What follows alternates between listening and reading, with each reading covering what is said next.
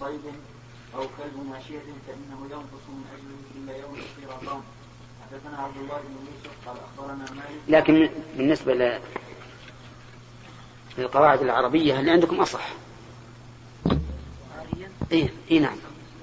لأنه يقول من اقتنى كلبا إلا كلبا. يتعين النصب. ولهذا شوف اللي بعده. أو كلب ماشية منصوبة. نعم. ها؟ ما له وجه ما له وجه. ما له وجه الرفع ولهذا الظاهر من النسخة خطأ. عندي أنا أوضى إلا كلبا ضاريا صح. يكتب عليها صح. ما تكلم عليه بالشرح؟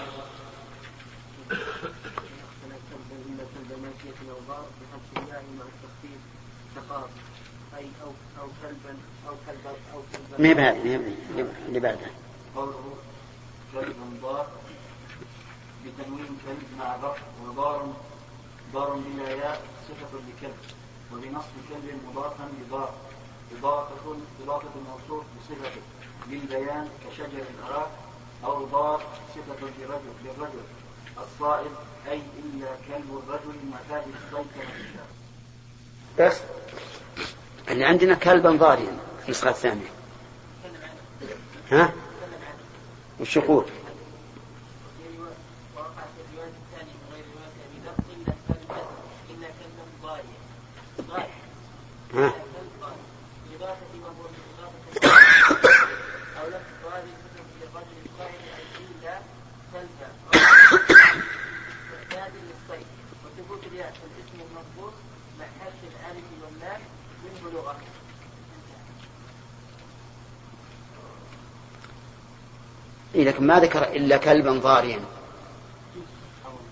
ها؟ نعم. لكن ما ذكر. هل ذكر كلبا ضاريا؟ ما ذكر. وش يقول؟ هذا اللي قرأ خالد قبلها. ماذا يقول؟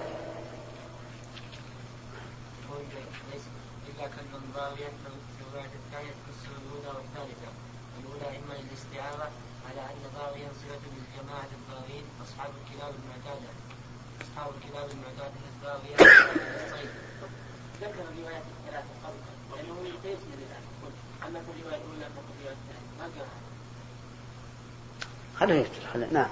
قالوا بغى على الصيد مراودا اي تعود ذلك واستمر عليه وضر الكلب واضراه صاحبه أي عوده واغراه للصيد والجمع ضرار وإما وإما للتناسب للتناسب لللفظ ماشيه مثل لا دغيت ولا تليت. والأصل تلوت والرواية الثالثة فيها حتى تقديره تقديره أو أو كلبا ضاريا. ووقع في الرواية الثانية هو الأقرب للغة العربية إلا كلبا ضاريا أو إلا كلب ضار نعم نعم قال رسول الله صلى الله عليه وسلم من اقتنى كلبا الا كلب مشيئة أو ضار نقص من عمله كل يوم قراطان. طيب إذا هذا هذا الباب يدل على أنه لا يجوز اقتناء الكلاب. وجه الدلالة نقص الأجر من أجره وثوابه ونقص الأجر كحصول العقوبة بل هو عقوبة في الحقيقة. لأن الإنسان إما أن يعاقب أو يحرم من الثواب. فدل هذا على أن اقتناء الكلاب محرم وبهذا نعرف سفه أولئك القوم الذين يقلدون الكفار في اقتناء الكلاب بدون حاجة. ولكن كأنهم يظنون أن هؤلاء إنما صنعوا الطائرات والقنابل لأنهم كانوا يقتنون الكلاب فصاروا يذهبون مذهبهم. ولم يعلموا أن النفوس الخبيثة تهيأ لها الأجساد الخبيثة. فالكلب أخبث الحيوانات لأن لأن نجاسته لا تطهر إلا بسبع صلاة إحداها بالتراب.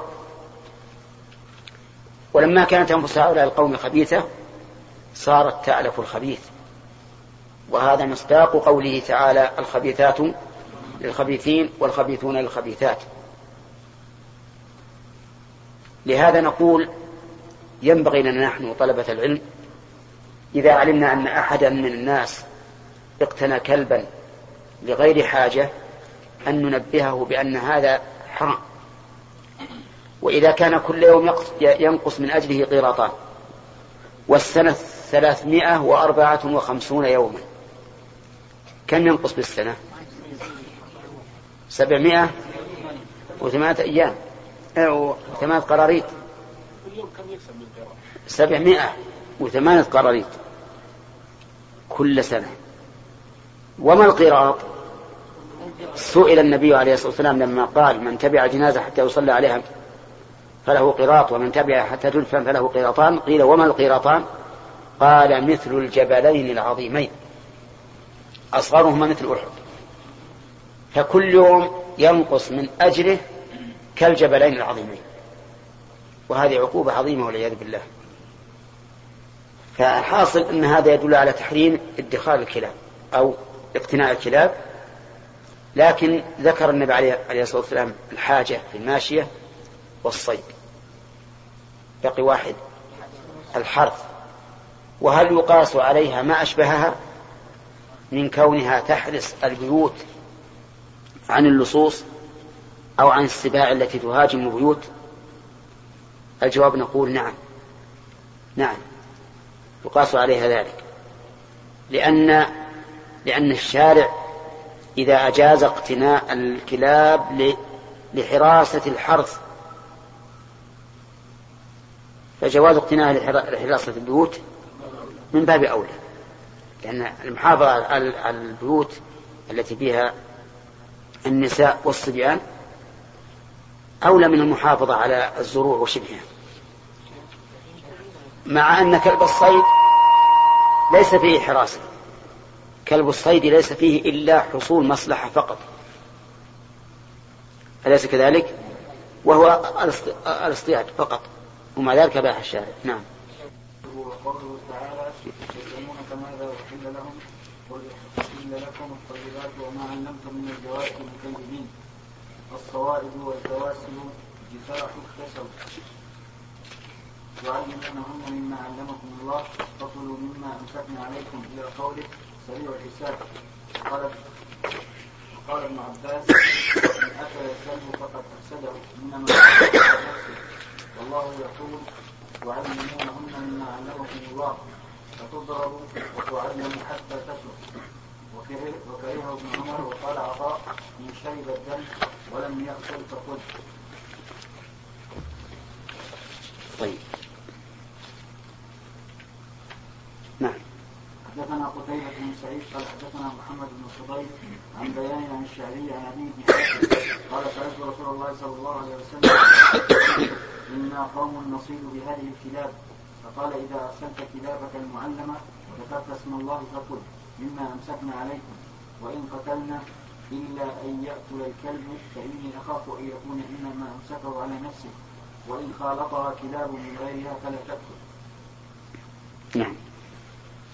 هذا الباب كما كما قال المؤلف إذا أكل الكلب يعني فإنه لم يأكل.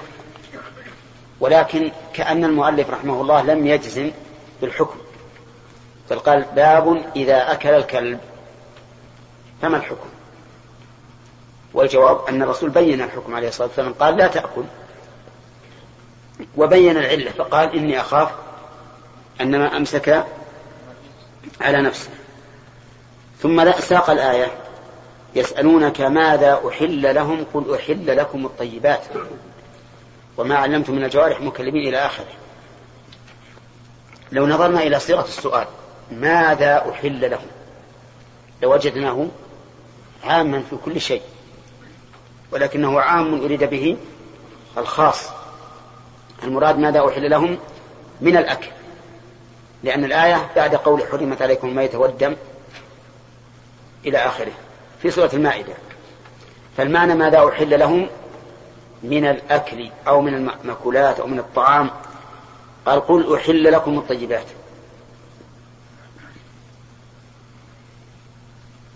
الطيبات تشمل كل ما طاب وضدها الخبائث فالخبائث محرمة. وما علمتم من الجوارح مكلبين إلى آخره. قوله وما علمتم هذه لا بد أن يكون أن تكون على تقدير مضاف. لأنه ليس المحلل ما علمنا بل صيد ما علمنا. ولهذا نقول وما علمتم أي وصيد ما ما علمتم. هذا إن جعلناها معطوفة على الطيبات. أما إذا جعلناها مستأنفة وقلنا ما اسم شرط جازم وما علمتم من الجوارح من كل تعلمونهن مما علمكم الله فكلوا. فالأمر لا يحتاج إلى تقدير. يكون يكون معنى الآية وما علمتم من الجوارح مكلبين تعلمونهن مما علمكم الله فكلوا مما أمسكنا عليكم وليس في الآية التقدير. وحينئذ تكون الواو استئنافية وليست عاطفة. وقول من الجوارح من من الجوارح الجوارح الكواسب اللاتي يكسبن مثل الكلاب والصقور ونحوها. وقول مكلبين أي مغرين مغرين. وهذا معناه أن ترسلوهن وقوله تعلمونهن مما علمكم الله فيه احتراز عجيب. لما قال تعلمونهن وكان يخشى, يخشى أن يغتر الإنسان بنفسه ويكون العلم من عنده. قال مما علمكم الله. فليس العلم الذي تعلمونهن هذه هذه الذي تعلمونه هذه البهائم ليس من عندكم ولكن من الله هو الذي ألهمكم وألهم هذه البهائم الجوارح. فكلوا مما أمسكنا عليكم. سبق أن المراد مما أمسكنا لكم لكنه ضمن الإمساك بمعنى الضم أو نحو مما يعد بعلى وقوله نعم إلى قول سلو الحساب فكلوا ما مسكنا عليكم واذكروا اسم الله عليه. بأن تقولوا عند إرسال هذه الجارحة بسم الله. واذكروا اسم عليه واتقوا الله. إن الله سريع الحساب. اتقوا الله تعالى بفعل أوامره واجتناب نواهيه. واعلموا أنكم ملاقوه. وأنه سيحاسبكم على ما عملتم. إن الله سريع الحساب. وقال ابن عباس إذا أكل الكلب فقد أفسده. إنما أمسك على نفسه. أفسده يعني جعله حراما بأكله فلا تأكل. والله يقول تعلمونهن مما علمكم الله. ف إيش؟ تضرب وتعلم حتى يترك. أصبر خلينا نكمل الآثار دي. حتى يترك. قال وكرهه ابن عمر. كرهه أي كره ما أكله الكلب أو ما أكل منه. والكراهة في عرف السلف للتحريم إذا جاءت الكراهة في القرآن والسنة ولسان الصحابة فهي للتحريم. كما قال الله تعالى بعد أن ذكر الشرك والعقوق وغيرها من المحرمات قال كل أولئك كان سيئه عند ربك مكروه وتقسيم المكروه أو وجعل المكروه هو الذي ينهى عنه لا على وجه الإلزام بالترك. هذا اصطلاح للفقهاء رحمهم الله.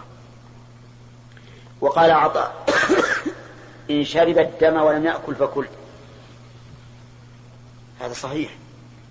لأن الرسول إنما منع فيما إذا فيما إذا أكل.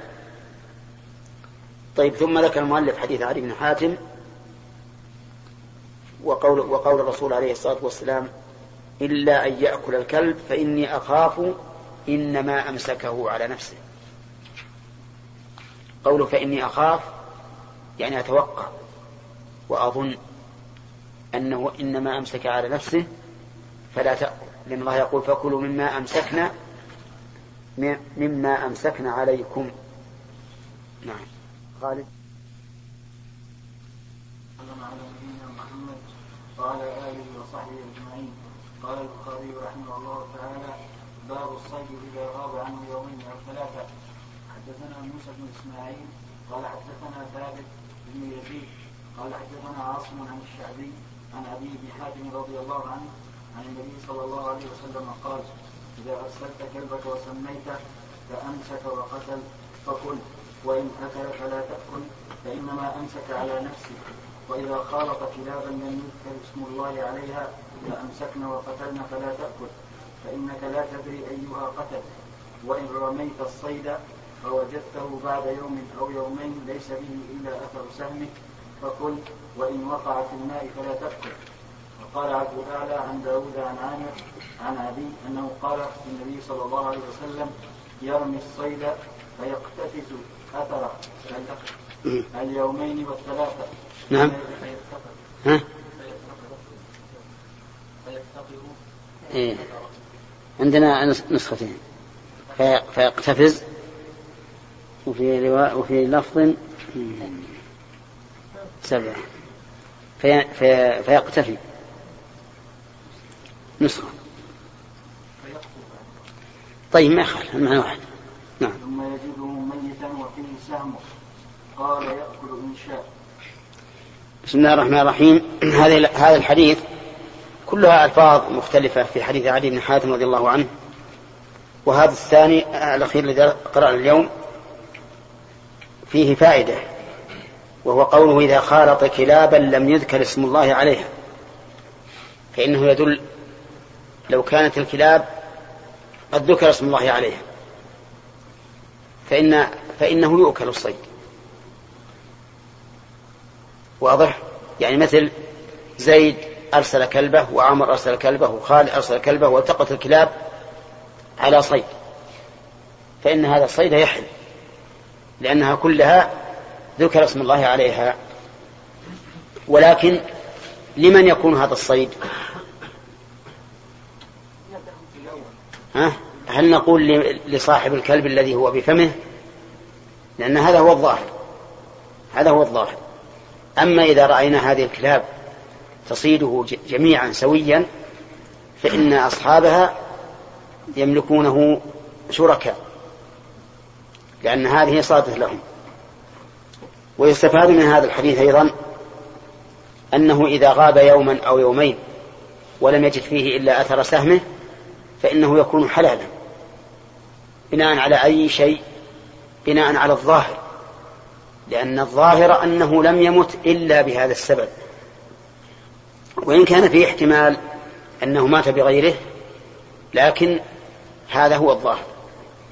وهذا نستفيد منه فائدة أيضا وهو ما لو كان الطفل عند أمه نائمة وهو مريض ولما أصبحت إذا هو ميت يحتمل أنه مات بانقلابها عليه ويحتمل أنه مات من المرض الذي أصابه.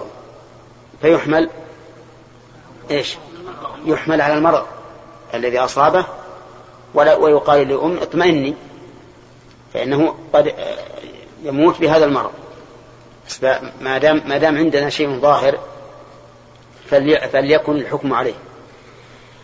طيب إذا إذا لم يكن به مرض ووجدته ووجدته ميتا إلى جانبها وقالت يحتمل أنها انقلبت عليه وقتلته فيقال لا شيء عليها أيضا لأن الأصل براءة الذمة وعدم القتل والموت حال النوم كثير كما قال الله تعالى الله يتوفى لهم بسعين موتها والتي لم تمت في منامها. يعني يتوفاها في منامها.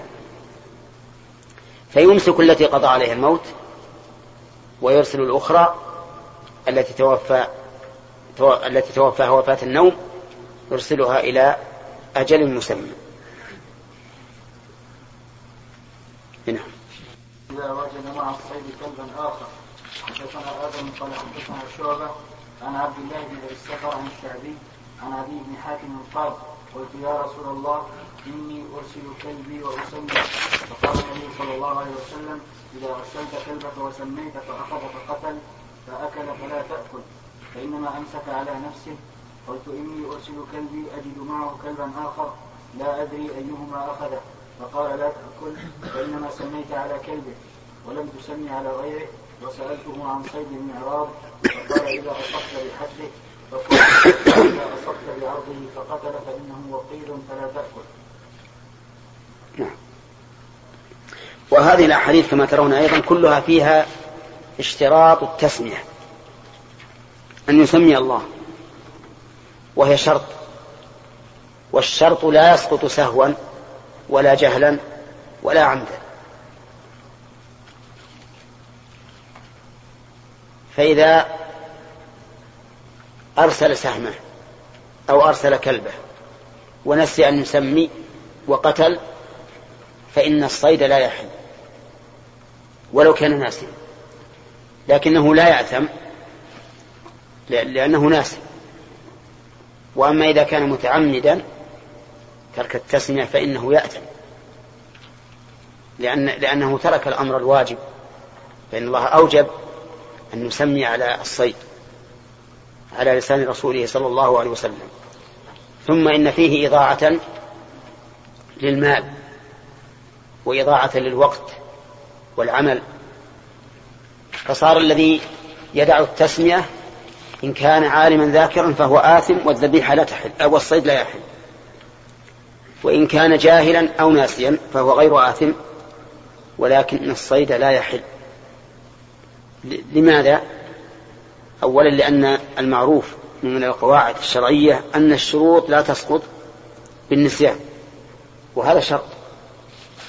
وثانيا لقوله تعالى ولا تأكلوا مما لم يذكر اسم الله عليه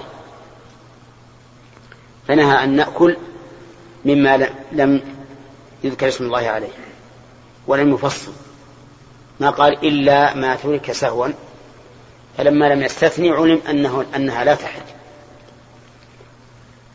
فإن قلت ما الجواب عن قوله تعالى ربنا لا تؤاخذنا إن نسينا وأخطأنا؟ قلنا انتفاء المؤاخذة لا يستلزم انتفاء الحكم. فهذا الذي صاد وترك التسمية ناسا أو جاهلا ليس عليه إثم بلا شك. لكن الحكم الذي شرطت شرط له تقدم التسمية لا يثبت إذا لم تثبت التسمية. ونظير ذلك لو صلى الإنسان الإنسان بغير وضوء ناسي. صلى بغير وضوء ناسي. فليس عليه إثم. ولكن صلاته غير صحيحة. لا بد أن يعيدها. لأن الطهارة من الحدث شرط. وهذا الذي وهذا هو المشهور من مذهب الإمام أحمد رحمه الله أن التسمية لا تسقط في الصيد سهوا ولا جهلا ولا عمدا وهو اختيار شيخ الإسلام ابن تيمية أيضا وهو الذي تدل عليه النصوص أنه لا لا يحل الصيد لا سهوا ولا ولا عمدا. وأما الذبيحة ما أدري المؤلف يذكرها ولا لا. نعم. ستأتي طيب إن شاء الله. طيب. نعم. يعني إذا إذا خرج وقت الصلاة يعني ونسي أنه ما توضأ ولكن يعني ما ذكر إلا وقد خرج وقت الصلاة نعم يصليها يصليها نعم شاكر اي إي نعم. كل هذه قضايا أعيان. واحد يسأل عن كلبه. ما عنده إلا كلب. لكن الآية وما علمتم من الجوارح أي الكواسب عامة تشمل كل ما كل ما يكسب. واضح؟ نطح الآخر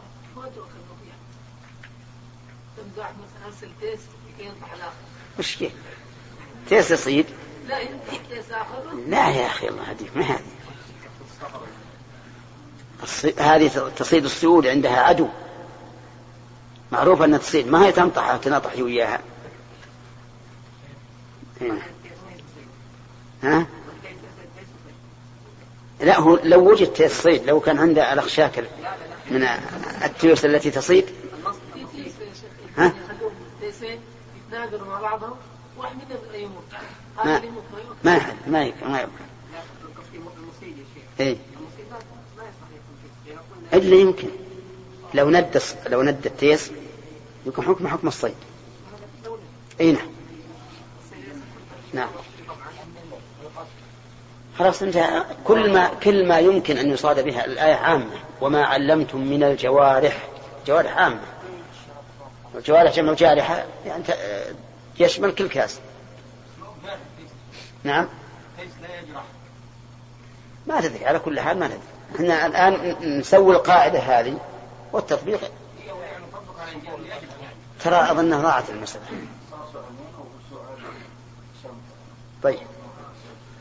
باب ما جاء في التصيد حدثني محمد قال اخبرني ابن فضيل عن بيان عن عامر عن علي بن حاتم رضي الله عنه قال سألت رسول الله صلى الله عليه وسلم فقلت أنا قوم نتصيد بهذه الكلاب فقال إذا أرسلت كلابك المعلمة وذكرت اسم الله فكل مما أمسكنا عليه إلا أن يأكل الكلب فلا تأكل فإني أخاف أن يكون إنما أمسك على نفسه وإن خالطها كلب من غيرها فلا تأكل حدثنا أبو عاصم عن حيوة بن شريح وحدثني أحمد بن أبي رجاء قال حدثنا سلامة بن سليمان عن ابن المبارك عن حيوة بن شريح قال سمعت ربيعة بن يزيد بن دمشقي بن يزيد الدمشقي قال أخبرني أبو إدريس عائد عائد الله قال سمعت أبا ثعلبة الخشني رضي الله عنه يقول أتيت رسول الله صلى الله عليه وسلم فقلت يا رسول الله إنا بأرض قوم أهل الكتاب نأكل في أنيتهم وأرض صيد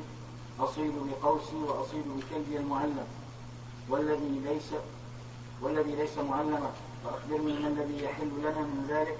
فقال أما ما ذكرت أنك بأرض قوم أهل الكتاب أهل الكتاب تأكل في آنيتهم فإن وجدتم غير آنيتهم فلا تأكلوا فيها وإن لم تجدوا فاغسلوها ثم كلوا فيها وأما ما ذكرت أنك بأرض صيد فما صدت بقوسك فاذكر اسم الله ثم كل.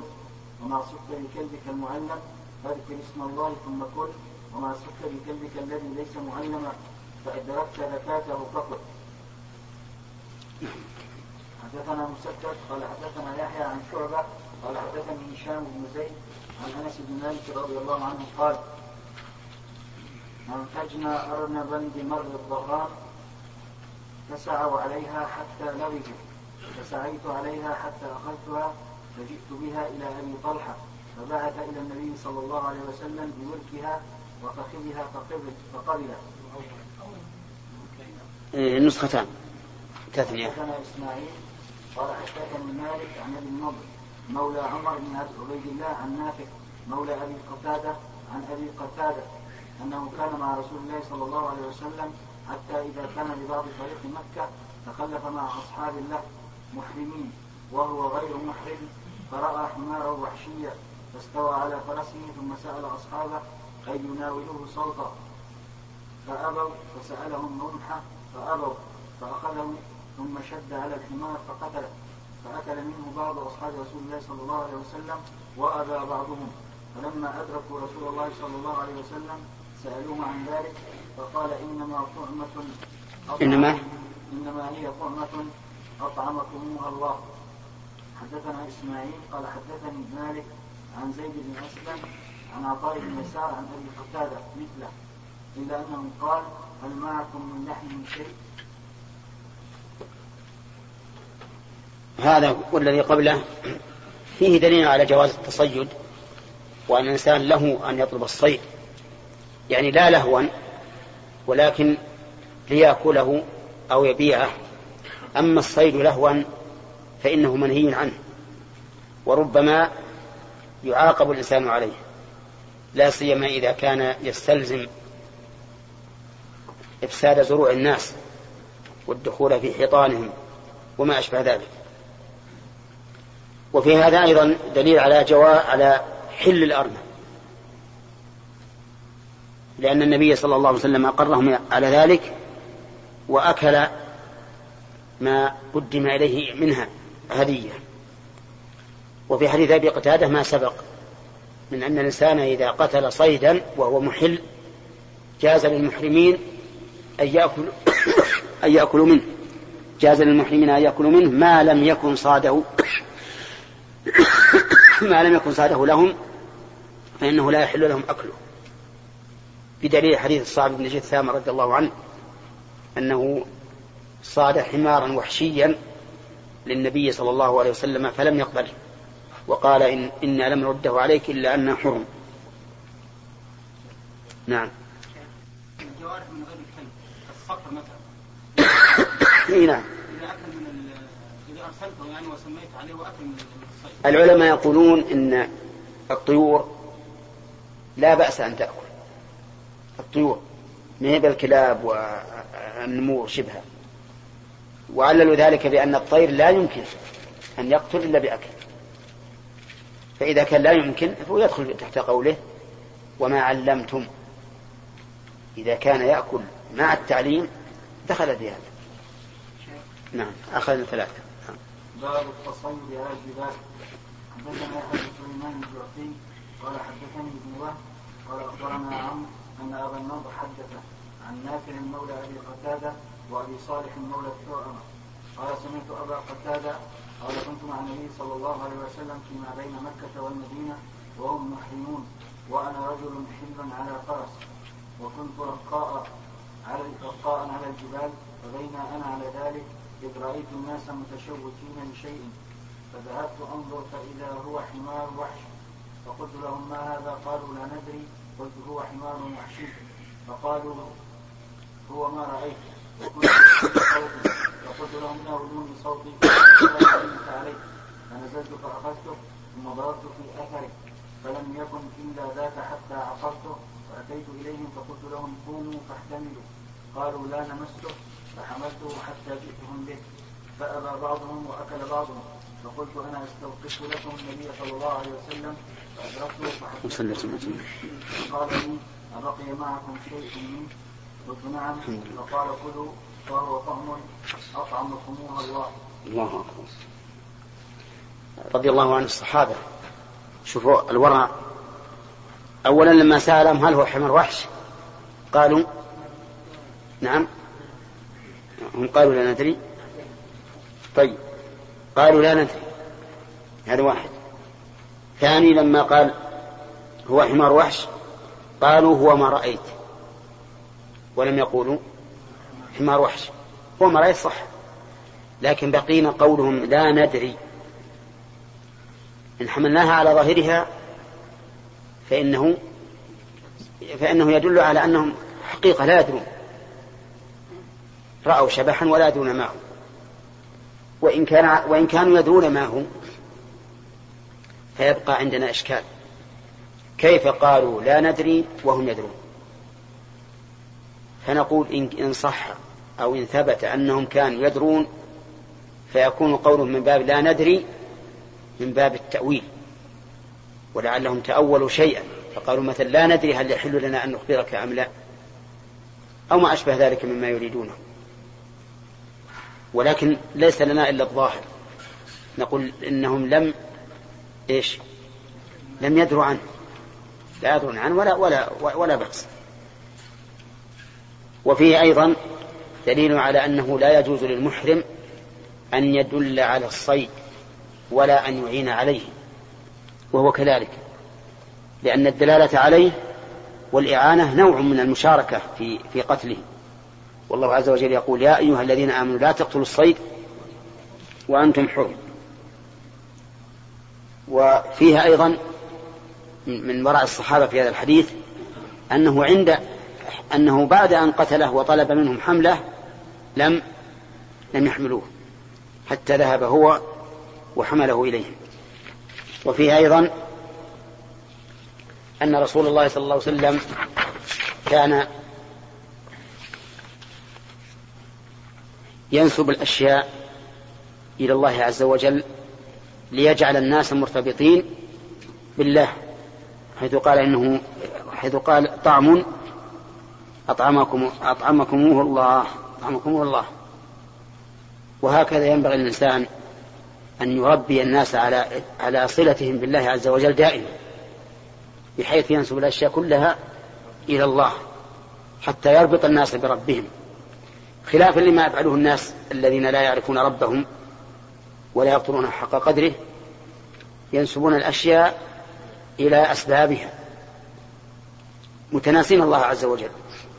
فيقول مثلا بواسطة الضغط الجوي سوف يحدث أمطار عظيمة مثلا أو ما أشبه ذلك وينسبونها للضغوط الجوية وللرياح وما أشبه هذا وهذا لا, لا شك أننا أن له أثرا وسبب وأنه سبب لكن ينبغي أن أن يجعل الناس مربوطين بالله عز وجل. نعم. نعم. طيب عبد الله. نعم. عدلتم يا شيخ. كيف أن تقول ينزجر إلى زجر ثم قلت أن يقف إلى زجر نعم. هل بين عبارتين ثلاث؟ إيه لأنه قد يكون ينزجر في العدو. فإذا قلت أن يقف إذا دعي زال الإشكال. أي نعم. نعم. باب قول الله تعالى وحل لكم صيد البحر. وقال عمر صيده ما أصيب وطعامه ما رمى به. وقال أبو بكر الطافي حلال. إيش صيده؟ وقال عمر صيده ما. لا قبل قبل. قبل قوله تعالى. باب قول الله تعالى وحل لكم صيد البحر. وقول وقال عمر صيده مصطيدا نعم. وطعامه ما رمى, ما رمى به. وقال أبو بكر الطافي حلال. وقال أبو بكر الطافي حلال. وقال ابن عباس طعامه ميتته. إلا ما قدرت منها.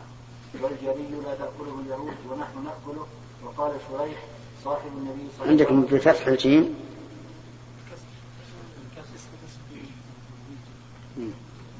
والجري. في نسخة الجريت. نعم. والجري لا تأكله اليهود ونحن نأكله. وقال شريح صاحب النبي صلى الله عليه وسلم كل شيء في البحر مذبوح. وقال عطاء أما الطير فأرى أن يذبحه. وقال ابن جريج قلت لعطاء صيد الأنهار وخلاف السيل. أصيد أصيد بحر هو. أصيد بحر هو. قال نعم. ثم تلا هذا عذب فرات سائغ شرابه وهذا ملح أجاج. ومن كل ومن كل تأكلون لحما طريا. وركب الحسن عليه السلام على سرج من جلود كلاب الماء. وقال الشعبي لو أن أهلي أكلوا الضفادع لأطعمتهم. ولم يرى الحسن بالسلحفاة بأسا. قال ابن عباس كل من صيد البحر نصرانيا أو يهودي أو مجوسي. وقال أبو الدرداء إن مري كيف؟ كل من صيد البحر نصراني أو يهودي أو مجوسي. إيه. ما هو الصيد يعني؟ إيه. نعم. عندكم أنصادة؟ إيه يمكن نسخة. إيه صح نسخة. نعم. إيه نعم. وقال أبو الدرداء وقال أبو الدرداء إن مري ذبح الخمر النينان والشمس. حدثنا مسدد قال حدثنا يحيى. طيب هذه هذه الآثار التي ذكرها المؤلف كلها تدل على أن صيد البحر حلال سواء كان حيا أو ميتا. فما لفظه البحر ورمى به من من الحوت الميت فهو حلال. وما صدناه نحن فهو حرام. فهو حلال أيضا. وابن عباس رضي الله عنه يقول إلا ما قدرت منها. يعني الذي تستقدره بنفسك لا ينبغي أن تأكله ولكنه ليس بحرام. لكن كون الإنسان يكره نفسه على شيء تستقدره هذا ضار حتى من حيث الصحة. وليس من حيث الحكم الشرعي ولا يستثنى منه شيء على قول الراجح لعموم قوله تعالى أحل لكم صيد البحر وطعامه. صيد مفرد مضاف إلى معرفة فيكون مفيدا للعموم. وأما المري فليتكم تعطونا تفسيره.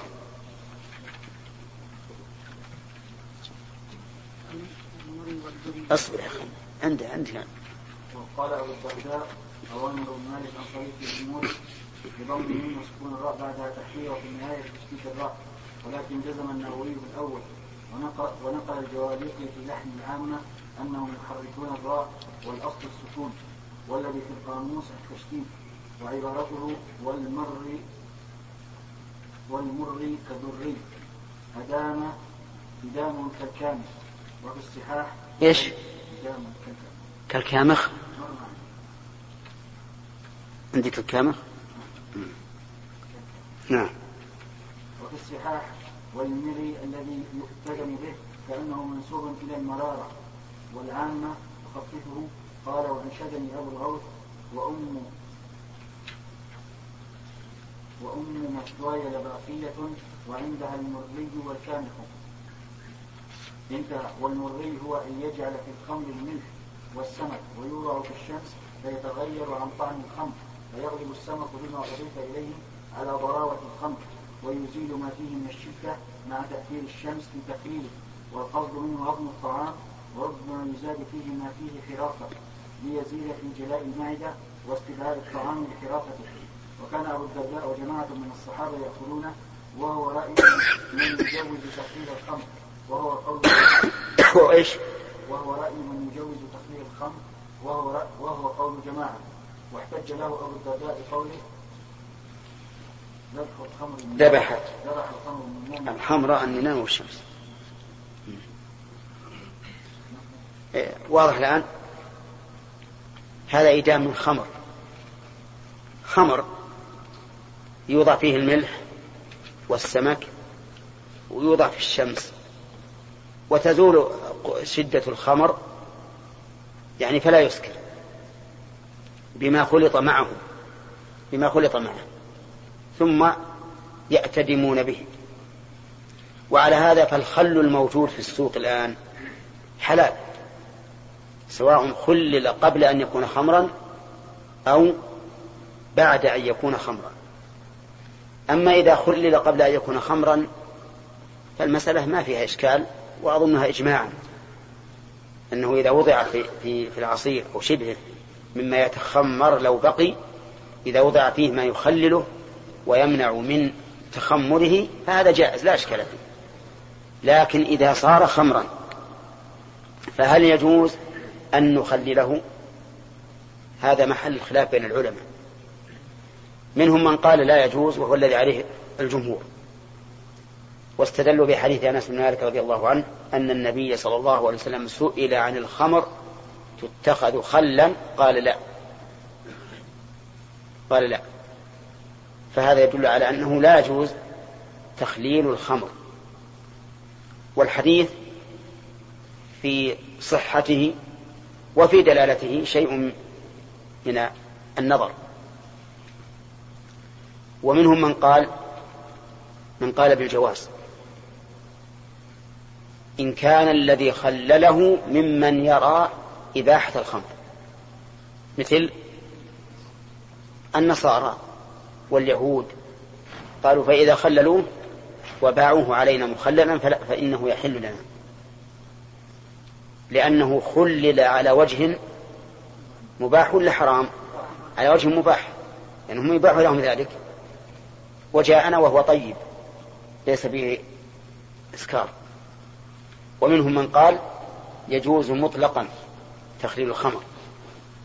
يجوز مطلقا ولكن بشرط أن أن يوضع أن يضاف إليه شيء. لا أن ينتظر حتى يتخلل. لا ينتظر حتى يتخلل. وهذا هو ظاهر حديث أبي الدرداء رضي الله عنه أنه إذا خلط مع الخمر ما يزيل شدته. حتى يزول إسكاره فذلك جائز سواء وضعنا حيتانا أو و و وملحا أو غير ذلك. قالوا والحكم يدور مع علته وجودا وعدما فإذا زال الإسكار الذي هو سبب التحريم زال التحريم. والنبي عليه الصلاة والسلام إن صح حديث أنس إنما منع من ذلك خوفا من أن يتعجل الإنسان فيشرب الخمر قبل أن يتيقن تخلله. قبل أن يتيقن تخلله. ولا شك أن الوراء تجنب هذا الشيء. لا سيما في زمن كزمننا هذا. فإنه يخشى أن يتناوله الإنسان وإن كان مسكرا. يخشى من ذلك. فإذا أفتي الناس بالمنع من هذا مطلقا إلا ما وردنا مخللا فهذا لا بأس به. ما وردنا مخللا فلا نسأل. هل خلل قبل أن يتخمر أو بعد؟ فلنا أن, أن نستعمله. ولا حرج علينا فيه. قال حدثنا يحيى عن ابن جريج قال أخبرني عمرو أنه سمع سمع جابر رضي الله عنه يقول غزونا جيش الخبر وأمر أبو عبيدة فجوعنا جوعا شديدا فألقى البحر حوتا ميتا لم يرى مثله. يقال له العنبر فاكلنا منه نصف شهر. الله. عبيده عظما من نظامه فمر الراكب تحته. حدثنا عبد الله بن محمد قال أخبرنا سفيان عن عمرو قال سمعت جابرا يقول بعثنا النبي صلى الله عليه وسلم ثلاثمائة راكب. وأميرنا أبو عبيدة نرصد عيرا لقريش فأصابنا جوع شديد حتى أكلنا الخبر. فسمي جيش الخبر. الله وألقى البحر حوتا يقال له العنبر. فأكلنا نصف شهر وادهنا بودكه حتى كم هم؟